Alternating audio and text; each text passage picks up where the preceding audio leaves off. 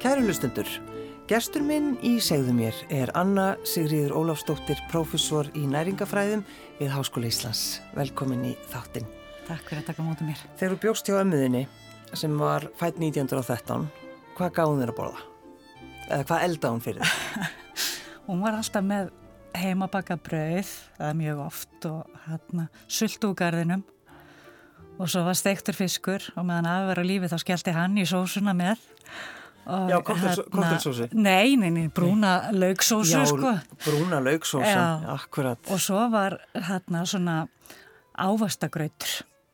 Það var mjög svona heimilislegt og Já. ekki svona kannski matur sem maður hefur fyllt eftir að gera sjálfur í sætin tíð og ég svona hallast kannski meira að hafa meira græmiti á disknum í dag en það sem ég lærði á henni það var kannski þetta að vera meðvitaður um að nýta allt í ískapnum. Mm og, og ég, þarna, já, ég legg mér líma við að vera döglega að borða það sem að fellu til. Já, já þú er fylst með ömmuðinni bara ekki henda það mátt ekki henda neinu. Nei. Svo erum við, að, veist, við erum öll að reyna einhvern veginn en þetta virðist, það gengur treglega. Já, það er sérstaklega erfitt eftir jól kannski og, og, og bara sko fyrstu spurningar ásins er okkar þetta hverja á að henda úr ískapnum á ég að losa mig við afgangan á salgetinu og ísnum og já, já. það byrjar alltaf einhver svona reynsun sem að sko einhvern veginn í staðin fyrir að bara horfa á að vera skinsum og kaupa hæfilega mikið inn á réttum tíma eða koma því fyrir og þarna raða skinsinlega inn í skápin. Það er svolítið þannig. En hver, hvernig, sko, hvernig vaknar þessi áhugið þinn, Anna Sigriður, á, já bara, matvara fræði? Eða, eða mat, ég veit ekki hvort, að, hvort koma undan. Já, ég held að, sko, ég hef alltaf haft gaman að mat en samt var ég gikkur. Já. Og það er kannski bara, ef ég hugsa svona tilbaka þá, sko, Akkurat fóreldra mín er eiga mig um tvítugt, ég er mikið hjá báðum ömmunum mm. og það eru allir mikið matarfólk þannig að það er einhvern veginn mikill og fjölbreyttu matur og það er svona bara gleði í kringum matur held ég svona, matur er kjarni í okkar lífi svolítið mm. og það er svona svolítið gaman sko, yngsti bróður mínu kokkur Eh, bræðu mínir hinn er annar er sálfræðingur og hinn er sálfræði mentaður og vinnur svo við kjenslu þannig að við erum og, og hann er í sælkjæraklúpi og svo framvegist þannig að það er einhvern veginn sko matur og svo hegðun, það eru svona rauða þráður hjá okkur sískinu matur og hegðun. ekki, ekki, ekki í raun og verið sko hva, hvað veldur að, að við rauðum okkur saman þarna og kannski okkur það því að mitt áhuga sem við er svona af hverju við borðum eins og við borðum sko. Ég svona næringafræðin sem er kannski sko hvað við borðum, ég finnst öll hinn háfa forðin ennþá meira spennandi sko, af hverju borðaru, mm. hvar borðaru, hvernig borðaru, þetta er alveg, og það er alveg ótrúlega, sko að við hugsun hvað matur er rauður þráður í gegnum allt okkar líf. Og það er svona, ég er svona komin upp með eiginlega að pælingarna mínar eru svolítið um eitthvað matarlíf. Og það sem er svolítið sérst, þetta er nefnilega að við hugsun kannski stöðutum mat mismikið þó, en meðal manneskan er vist með svona um það byrjum 200 hugsanir á dag um mat. Að þá sko þá samt gefum okkur sífælt minni tíma í allt umstangið í kringum matin. Er það því að við bara, hann mætir afgangi einhvern veginn í rauninni, þó séum endalist á pæliði, þá bara höfum við einhvern veginn ekki tíma? Já, hann er kannski, hún er ekki gert svona, það er ekki búið að setja, taka frá tíma í dagskráni. Mm. Þannig að ég held að matu mæti stundum afgangi og vera þetta á hlaupum í hátteginu og nesta börning hversu mikið tími lagður í það og svo kvöldmaturinn og hvort okkur sko bara fallist ekki jafnvel stundum hendur ef við hugsaum út í að sko mér finnst mjög gaman að spörja fólk sko hvað er í matin í kvöld Já. því að það er bara ansi stór meirhluti sem maður getur ekki svarað hvað verður í matin í kvöld. Já og við erum ofta ekki komið svo langt að hugsa þetta þó við séum að hugsa um mat og oft er þetta samt fyrsta spurningin sem börnir spurja á mótnana Já, já, hvað ætlum að bóra í kvöld? Hvað ætlum að bóra í kvöld og svo ferða stað og, og þarna og svo kannski raskast hjá það dagskráin og þá er þetta orðið flókið mm. og bara þú hugsa um það frá því að hugsa, hugsa hvað á að vera í matin þá angar þú ert búin að við að þér hráefninu hvort sem þú þarfst að kaupa eða ymmið þetta tín út úr ískapnum og reyna að nýta og kannski það að passa að velja ekki einhverja uppskrift sem þau þarf að kaupa kaupa allt nýtt inn heldur að geta gert góða naglasúpur. Það er svolítið líkilatrið kannski og vera skipilagur já. já, það er nú eitt af skemmtilegast sem ég gerir að, að, að þá er sko þú veist þetta og svo að þegar þú komin heim með matin, ráðunum í ískápin skúfutnar hafa til, leggja borðið, elda, fá hinn til að vera með þér í liði, koma öllum að borðinu, mm. borða saman og þá er eftir allt þetta sko, þú veist, nærið að vera áni í stundu þegar þú er búin að búa til svo mikla spennu og streytu að það bara, að þetta verður að, að, að einhverju kási. Mm -hmm. Og það er held ég stundum sko að fólk kvíðir um alltíðin í staðin fyrir að hún verði þessi sko matarborðið eigi að veri þessi vinn og staðurinn þess við náum að setjast saman, farið við dægin og það er eiginlega bara sko matartímin og það að borða saman skiptir ótrúlega miklu máli. Mm. Þetta að, að, að vera í núinu þegar við erum að borða. Þannig að þetta er svona það sem ég er svolítið búin að vera að hugsa um og horfa í kringum mig og náttúrulega lesa rannsóknirna tengt þessu líka. Já, já, já, já, þú náttúrulega eins og þú talar um þessa hegðun okkar en þeir, sko þeir eru út 11 ára þá fær þú áhuga að holda í barna. Já. Þetta er náttúrulega bara mjög sérstakt. Já, ég veit ekki af hverju. Og ég er búin að hugsa þetta aftur og aftur og samt sko myndin sem ég sé í hausnum að mér, það er mynd af eldri manni með staf, kengbógin út í búð. Mm. Og það sem hann er svona heldur á peningaveskinu og er að fara að borga fyrir matin sinn og ég vorkend hún svo að því að hann hefði kannski ekki efna á matnum. Mm. Þannig að þetta er þar á ekki sko einhver þversögn en ég held að kannski sko heldarmyndin er að ég hafa haft áhuga á þessu mannlega í kringum matin frá upphafi. Mm. Og ég man að ég, samt, ég tók meistranámi mitt út í Östuríki og þar sagt, tókum við námskeið í neytenda hegðun og þá bara allt í hennu fann ég svona bara vá þarna tekka ég. Þessi, þú veist, ástríður í kringum mat og bara það, alla tilfinningarna sem tengjast mat og ert tilfinninga æta eða það er svo ótrúlega margt og við þurfum akkurat að hugsa sko, akkurat maður oft svona fær kannski eins og spurningar sem næringafræðingur og þá er alltaf að byrja sko hvaða vítaminir er þessu já, já, já. og hinn og hvernig fæ ég nóga þessu og hvað á ég að borða mikið en þetta eru kannski ekki sko stóru spurningar sérstaklega því að þetta er ekki það sem ræður því hvað þú velur þér heldur er það sko akkurat svo margt í raun og verið í þínu umhverfi mm. og þannig að líkamlega heilsan er eitt en svo er það andlega og félagslega heilsan og maturinn tekkar náttúrulega mjög stertinn í alla þessa þætti og þá til dæmis að við erum komin út í mjög mikið af einhverju svona aðhaldi og fráhaldi eins og margir vilja vera með í upphafi ás og svona að þá töpum oft bæði veljiðana þættinum og félagslega þættinum að því að ef þú hugsaði sko mat án félagslega þáttarins, jafnvel þú borðar einn að þá er þetta einhvern veginn sko svo stór hluti af matarmenningin okkar og hver við erum. Ákvar þetta sko hvaða matur var hjá ömmu, minningar í kringum mat, e, tilfinningar sem að láta þið líða vel er oft matur sem veitti þér öryggið að gefa þér góðar minningar. Á sama háttur oft matur en þú getur alls ekki borðað, en matur sem þú borðaðir eða varst þvinguð mm. til að borða undir neikvæðum kringustæð. Já, já algjörlega og kannski þegar maður er að maður er alveg nött þannig, þú veist, maður þurft alltaf að klára disknu Já. eða þegar maður var að pína sér til þess að borða og maður þurft að drekka eitt mjölkuglast til þess að sviða bitin færi alveg niður svo maður finnir ekki bræð bara ég nefni það já, já. en, en þá er það akkurat þetta og, og, og tilfinningarnar og einmitt og svo segir velíðan eða einhver kvíði sem að vakna við. Og, og, og bara það er eitthvað sem við þurfum svolítið að horfa á. Já. Það er akkurat og þetta sko matar uppeldið og hvernig við tölum um mat við börnin okkar, hvernig mm. við berum fram mat, hvernig við búum til samskiptin í kringum máltíðina.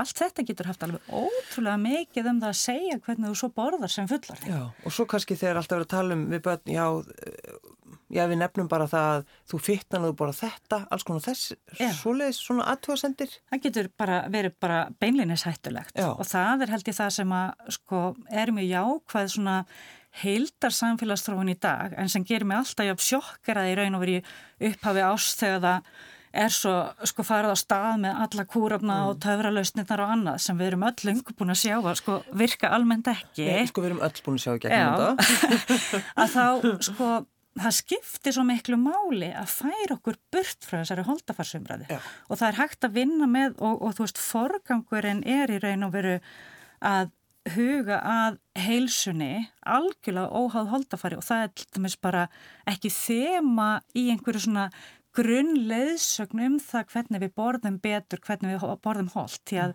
það er bara grunnstefið að við gerum það þá líður okkur betur og þegar okkur líður betur þá erum við líklega til að velja vel sem svo hefur áhrif á eila allar útkombreytt. Já, já. En þannig, sko, þegar þú tekur svona ákvörðin 11 ári raunni, að þú, eða ekki tekur ekki ákvörðin, þú bara færð áhuga á söllu og enn þann dag í dag, Anna Sigri, þetta er bara þitt hjartansmál. Þetta er mitt hjartansmál og ég, já, ég man eftir að þetta svona frá 11 ára og þá les ég allt sem tönna og fest tengt mat. En sko hvort sem það voru matreðslu bækur og karmelu uppskriftir eða hotlustublöð. Já. Þannig að, að sko, já, það er í raun og veru bara allt þetta róf þess dásamlega sem fylgir mat. Mm og ég held að þar getum við náttúrulega öruglega saminast. Getum alveg gert það sko, en það bauðið er hingað á þessum ágæta morgni, Anna Sigriður. En hvaða mat til dæmis, hvernig, hvað borðað þú? Ég myndi segja svona að ég hallist að vistkjærafæði. Það er að segja, ég, ég reyna að hafa upp í stöðina jörtafæði, það er að segja að borða mikið grænt og gróft, huga að trefjónum og, og græmitinu og, og netur og fræ eru svona grunnur sem er alltaf til í mínum skáp. Já er að vinna í að auka bönirnar og það, það skiptir mér miklu máli til dæmis að við séum döglega að auka jörtaprótein og þetta er náttúrulega annars við sko þá á svona mataræði það sameigilegt að vera í raun og veru forvörn gegn eiginlega öllum langvinnum uh, áunum sjúkdómum. En þetta er líka til dæmis það mataræð sem skiptur svo miklu máli að við temjum okkur sem uppistöðu bara fyrir plánutuna, mm. fyrir vistsporið. Þannig að, þannig að um... það er þaðan sem þetta svona hugtak vistkera fæði á ennsku líka tala um flexitarian Já, flexitarian sem að ég, ég segi svona þetta ég sé sveianleg æta. Já, þú borðar allt en uppistöðan þú veist, það er svona grunnurinn er hjörtafæði en ég leifi mér allt, það er ekki tilneitt sem heitir sko bönn hjá mér. Nei, og það held ég líka sko að, að við viljum búa til hennan þetta heilbriða samband við mat og að, að, að þar sem maður í raun og veru kemur getur maður verið hluti af matarsamfélaginu mm. Að því talvegumdu þetta sem er gott fyrir þig og jörðina Já Þetta er náttúrulega bara er þetta ekki eitthvað sem við um öll að vera að pæli í?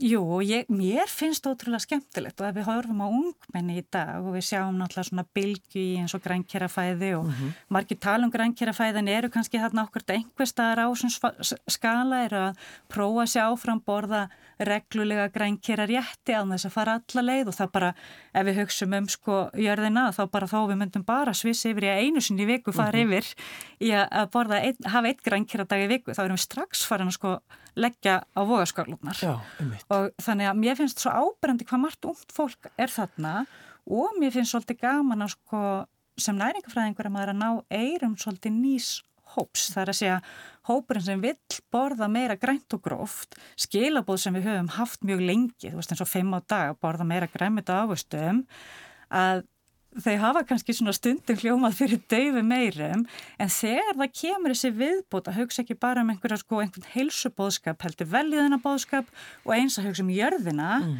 þá hoppa svolítið aðrir á vagnin heldur en kannski hefur hlustað á einhvern svona hefðbundin heilsubóðskap mm. og þess vegna finnst mér einhvern veginn annars vegar sko þessi jákvæðinni og kvartning sem við vitum í svona heilsueflandi samfengi skiptir svo miklu máli þar að segja við séum hvetjandi og komið jákvæð og steðjandi skilaboð og gerum lítil skref sem geta í raun og veru stutt okkur en, en þetta sé alltaf einhvern veginn á þessum sko velliðunar bóðskap og, og þarna velliðunar fræðin sé kannski svona nálgunin sem maður setur að, að ef ég borða vel þá líðum ég betur og það hvort sem það er sko meldingin eða heilsan eða andlegi þátturinn eða annað þetta er, þetta er að tekkin allstar og um leiðu þú finnur það þá ertu náttúrulega miklu líklir til að viðhalda breytingunum heldur en ef að mælibreitan er okkur alltaf einhver kíló eða eitthvað slíkt. Já, já.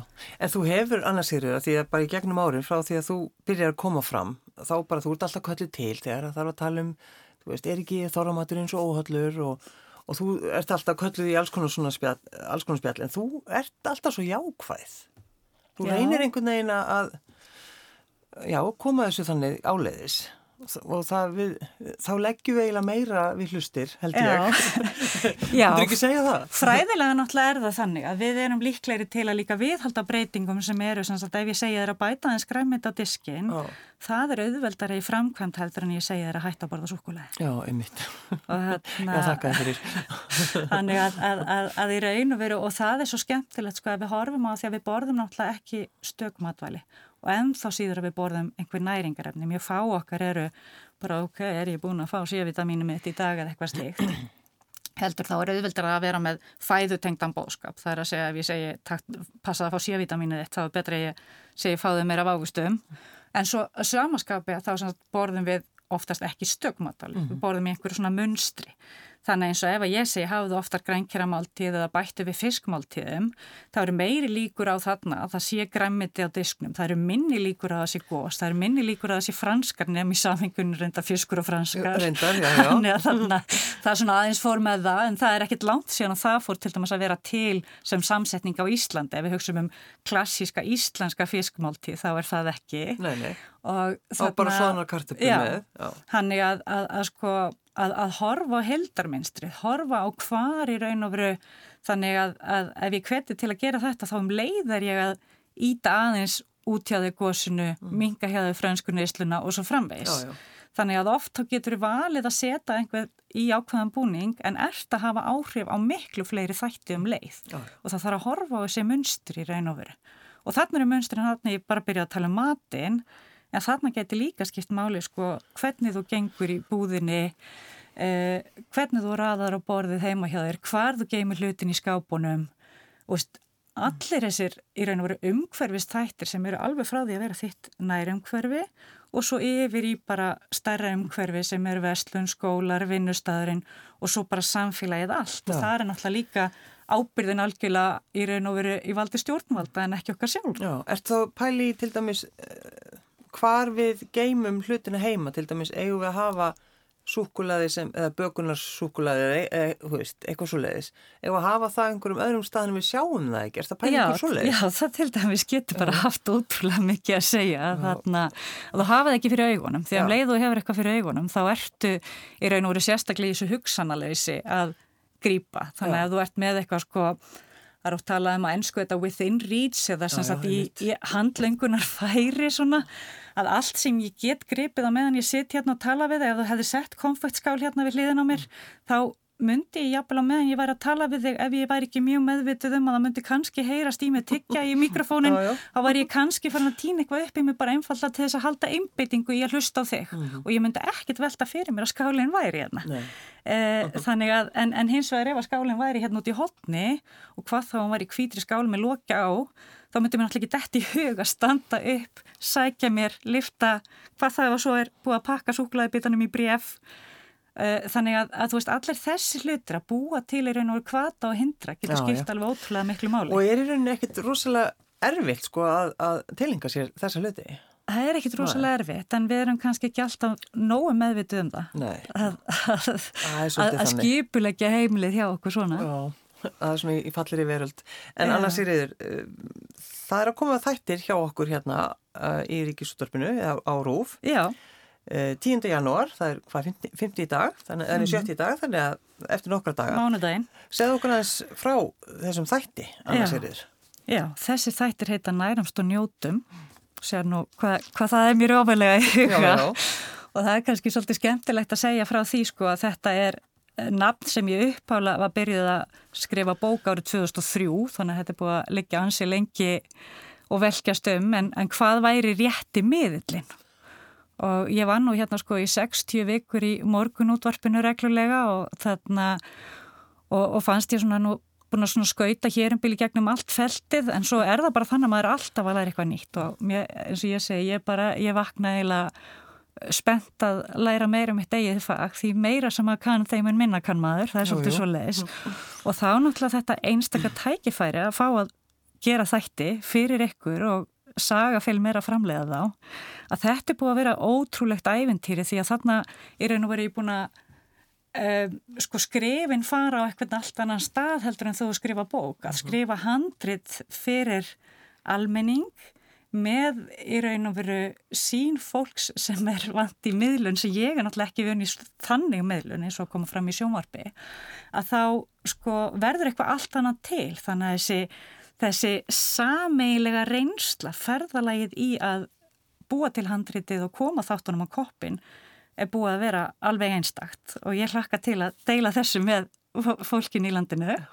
Og, og það sem er líka svo skemmtilegt er að þegar við ákvæmum hvernig við ætlum að segja þessu sög og, og þetta er svona, svona hugsunum hjá mér er þetta víða hugtak matar lífið. Við erum ekki bara sko að kenna þér að borða græmiti og, og taka þig góðslöskuna heldur við erum að reyna að horfa á þetta heildar samhengi og hvað matur skiptir okkur miklu máli í, líka, í, í lífinu. Mm. En þannig að við fengum fjölbreytan hópa fjölskyldum með okkur, alveg frá því að vera einstaklingar og yfir í þessar svona stór, samsettu stór fjölskyldur, það sem er búið að líma saman og fólk kemur náttúrulega með ólíkt úr sko, fyrir hjónaböndum og börnin eru með fleiri heimili sem er mismunandi matur eftir því hvaða viku þú ert og svo framvegis sem getur verið mjög flókið Ég ætla sko. að segja það, það er bara uh, og, mjög erfið og, og við erum svolítið yngst í þáttakandina þá tíu vikna og elsti 70 ára Já.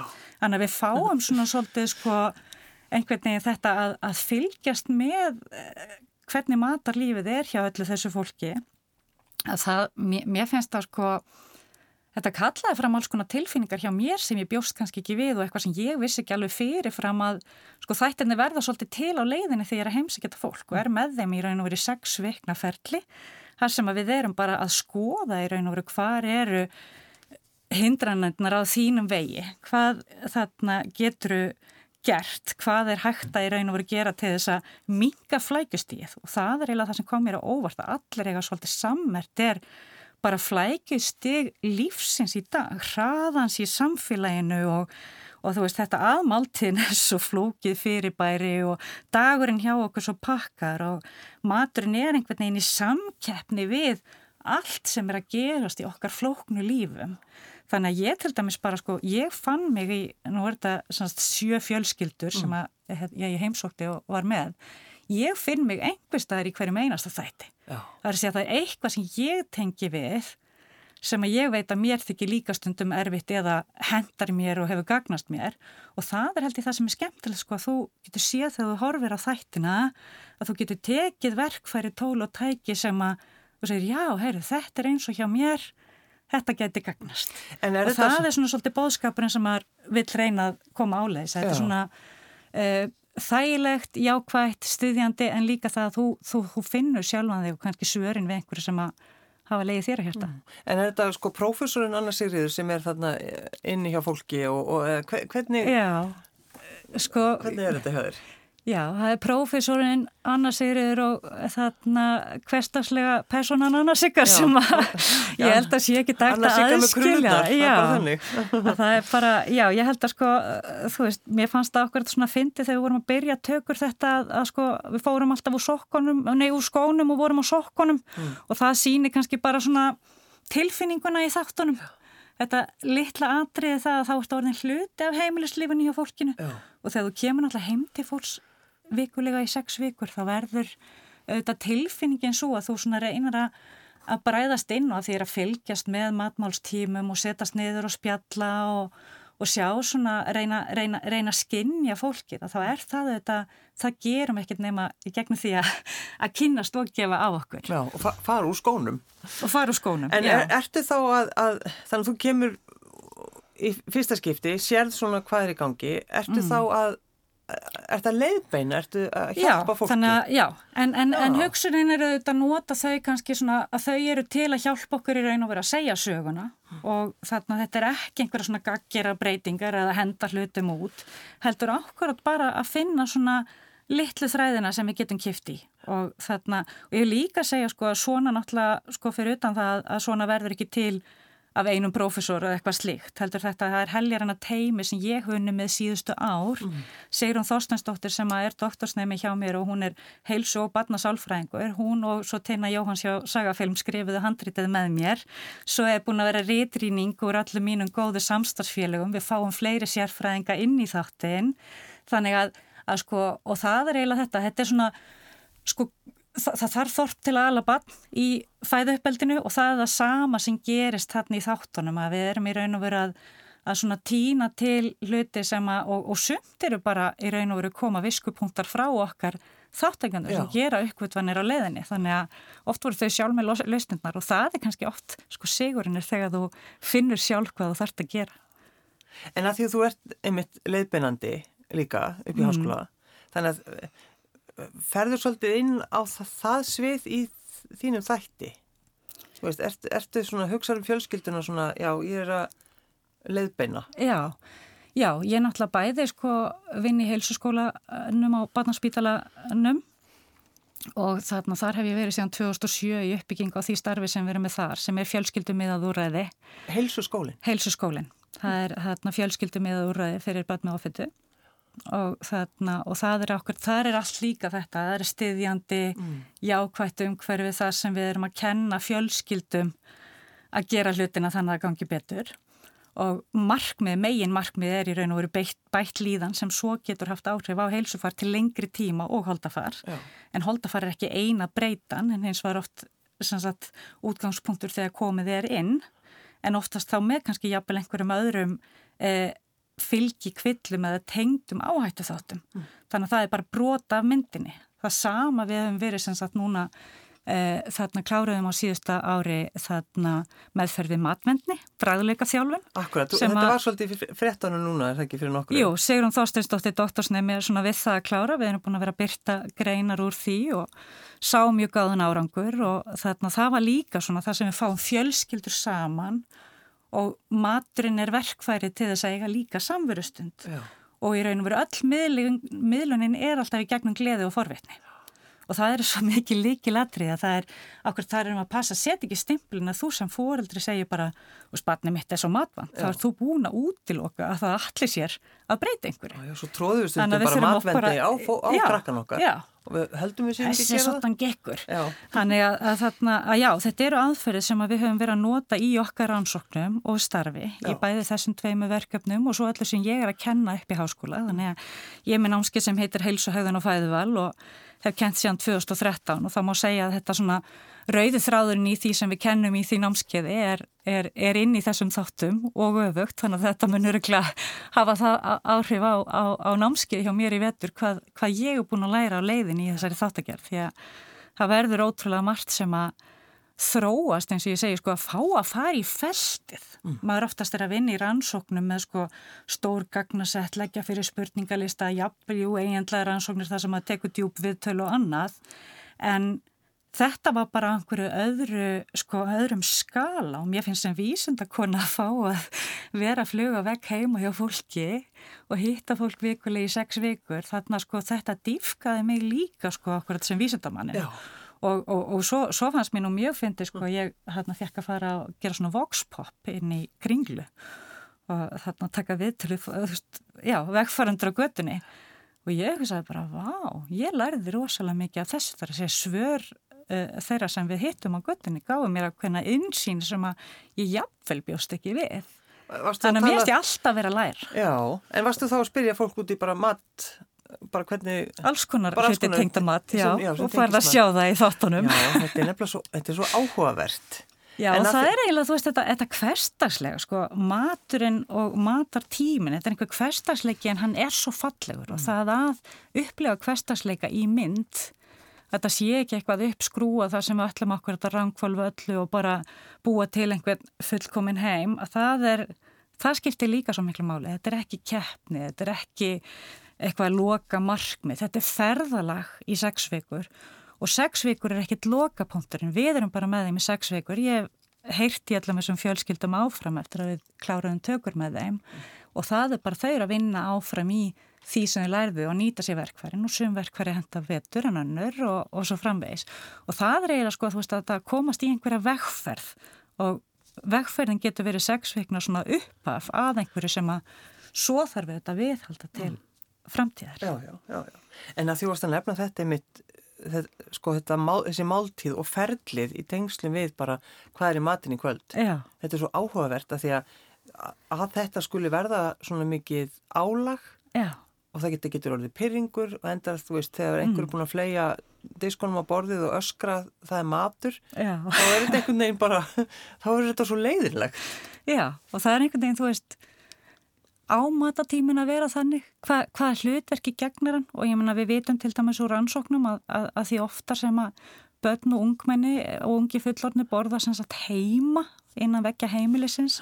Þeimun betra er almennt mataræði, það eru meiri líkur að þú borði meira af græmynda ávöstum og minna mikið unnanir vöru og miklu salti, sigur og fytu ef að þú borðar mat heima. Já. Það er annars vegar bara hvers konar við mat við setjum á matarborðið heima hjá okkur. Það líka munur að því að vera við matarborðið eða setjast fyrir fram að Netflix sko, eða rúf. Mm, Þannig að þarna, ég, ég er mjög fegin að sjá sko, að því ég náttúrulega ræði engu sjálf um, um, um, um dagskrána að ég sé ekki fyrir einn tíu minnur yfir átta. Ég hef ekki vilja vera klukkar sjö í lottinu. það hefði eitthvað verið ráttuð það sko. Já, þannig að þú veist, allt þetta bara fólk setist satt og sælt fyrir fram á skjáin það, er, hana, það skiptir máli. Já. En að því að þú líka annars eru nefnir matar lífið Já þetta, þetta er náttúrulega bara stórt orð. Þetta er stórt orð og eins og ég segi það eiginlega svona var eitthvað sem kom upp úr mér þegar ég fór að reyna að útskýra fyrir fólkinu hvað ég væri að gera. Því að fólk skráði sér til leiks og við vorum með sagt, já, auglistum eftir þáttakandum og það var svona fyrsta tilfinning sko þegar næringafræðingur er auglís eftir fólki til að taka þátt í þætti að mm. þá var ok, er ég núna að fara að telja kaloríur, er verið að fara að banna mér þetta og hitt? Og já, það er alltaf fyrsti, og... já og það er fyrst, fyrsta svona tilfinningin er einhvern veginn ok, þar ég núna að fara í vörð mm -hmm. þannig að, að, að bara að útskýra þetta þú veist, matalífið er einhverlega þú veist þetta að af því að matur er hluta líf okkar þá er allt sem kemur fyrir á leiðinni er að hafa áhrif á hvernig við borðum og öfugt Þannig að þetta eru þræðir í alla áttir og ég er að reyna að tækla og, og, og hópurinn minn að tækla þessa þræði í reyna og verið útráð sem víðustum sjónarhóttnum til að bara við áttum okkur á hvað matur í reyna og verið skiptur okkur ótrúlega miklu málu og ekki ákvæmt bara til þess að lifa af. Ég minna að það lang fæst okkar sem borða bara til þess að lifa. En að þú talar um sko að fólk fyrir vörð, fer Já. fólk stundum í vörð þegar þú byrjir að tala? Ég held að stundar sér kannski, sko, nú er ég náttúrulega, ég var okkur að rekna út að ég hafi ferið í fyrsta sjónvarsviðtali hjá ykkur tengt sko matvalafræðinni á sínum tíma fyrir 25 árum síðan 25 ár?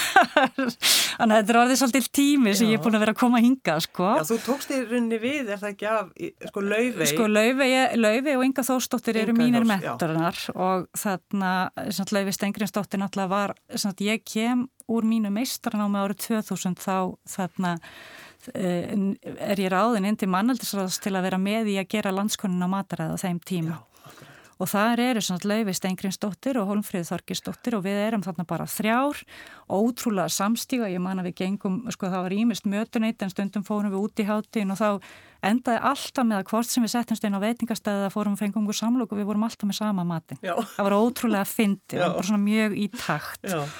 og ég tel mig alveg ótrúlega heppin að hafa lært af þessum góðu konu sem ég hef fengið að vinna svona þjætt með. En svo allt innu ferð þú að koma fram í fjölgunum? Já, og það var eiginlega, já, ætli hún hafi nú ekki sendt mikið fyrsta skiptið eða eitthvað svo leið, sko. En þetta er árið 2000, þannig að þetta er svona 22 ár síðan, en þreymur árum áður þá sem kláraði ég matvælafræðina. Og þá held ég, ég er svona verið fyrsti árgangurinn sem fengum að taka matvælafræði með áherslu á næringafræði. Mm. Þannig ég man að ég held minn fyrsta fyrirlestur eftir að ég kláraði lokaprófin í mæ og þá var ég með fyrsta svona fræðslu fyrirlesturinn um næringu.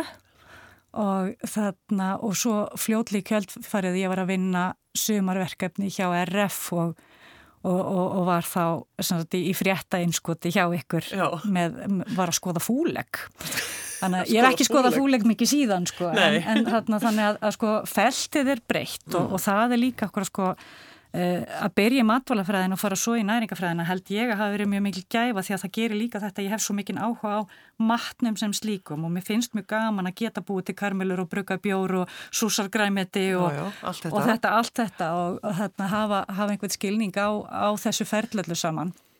Þannig að þarna og svo sem sagt, já, ég fer eiginlega eh, í matvælafræðina þannig að ég hitti sem sagt Ingu Þórsdóttur professor í næringafræði líka að hún sagt, ég hitti hana á námskynningu upp í háskóla þegar ég er held í 17 og er að skoða, stend held ég að vera að skoða líffræðin eitthvað langa svo í grasafræða þegar mér langi til að í raun og veru skoða svona eh, lækningamátt júrta mm. og hef bara, mér hefur alltaf þótt einhvern veginn þetta græmiti ávistir júrtir grænkirafæði hugsunin ótrúlega spennandi og svo þú veist annars verður út frá einhverju svona lækninga áhrifum en líka bara spennandi matur þó að ég reyndar okkur að hafa ekkert verið ofsalega döglega að borða því að það er yngri meðan stráttgræmit alltaf reyndar ofsalega gott sem barn en fannst erfiðar að borða það matritt og var svo að prófa mig áfram hvort maður geti bara borða græmiti með súkulega til þess að það veri betra til dæmis en hún bendi mér þá ásins að, að byrja í matalafræðina það sé staðurinn fyrir mig. Og ég hef líka verið svo heppin að hún og Inga, Þóst, Inga Þóstóttir og Levi Stengrastóttir voru mínu leðbynundur í doktorsnámi. Ja.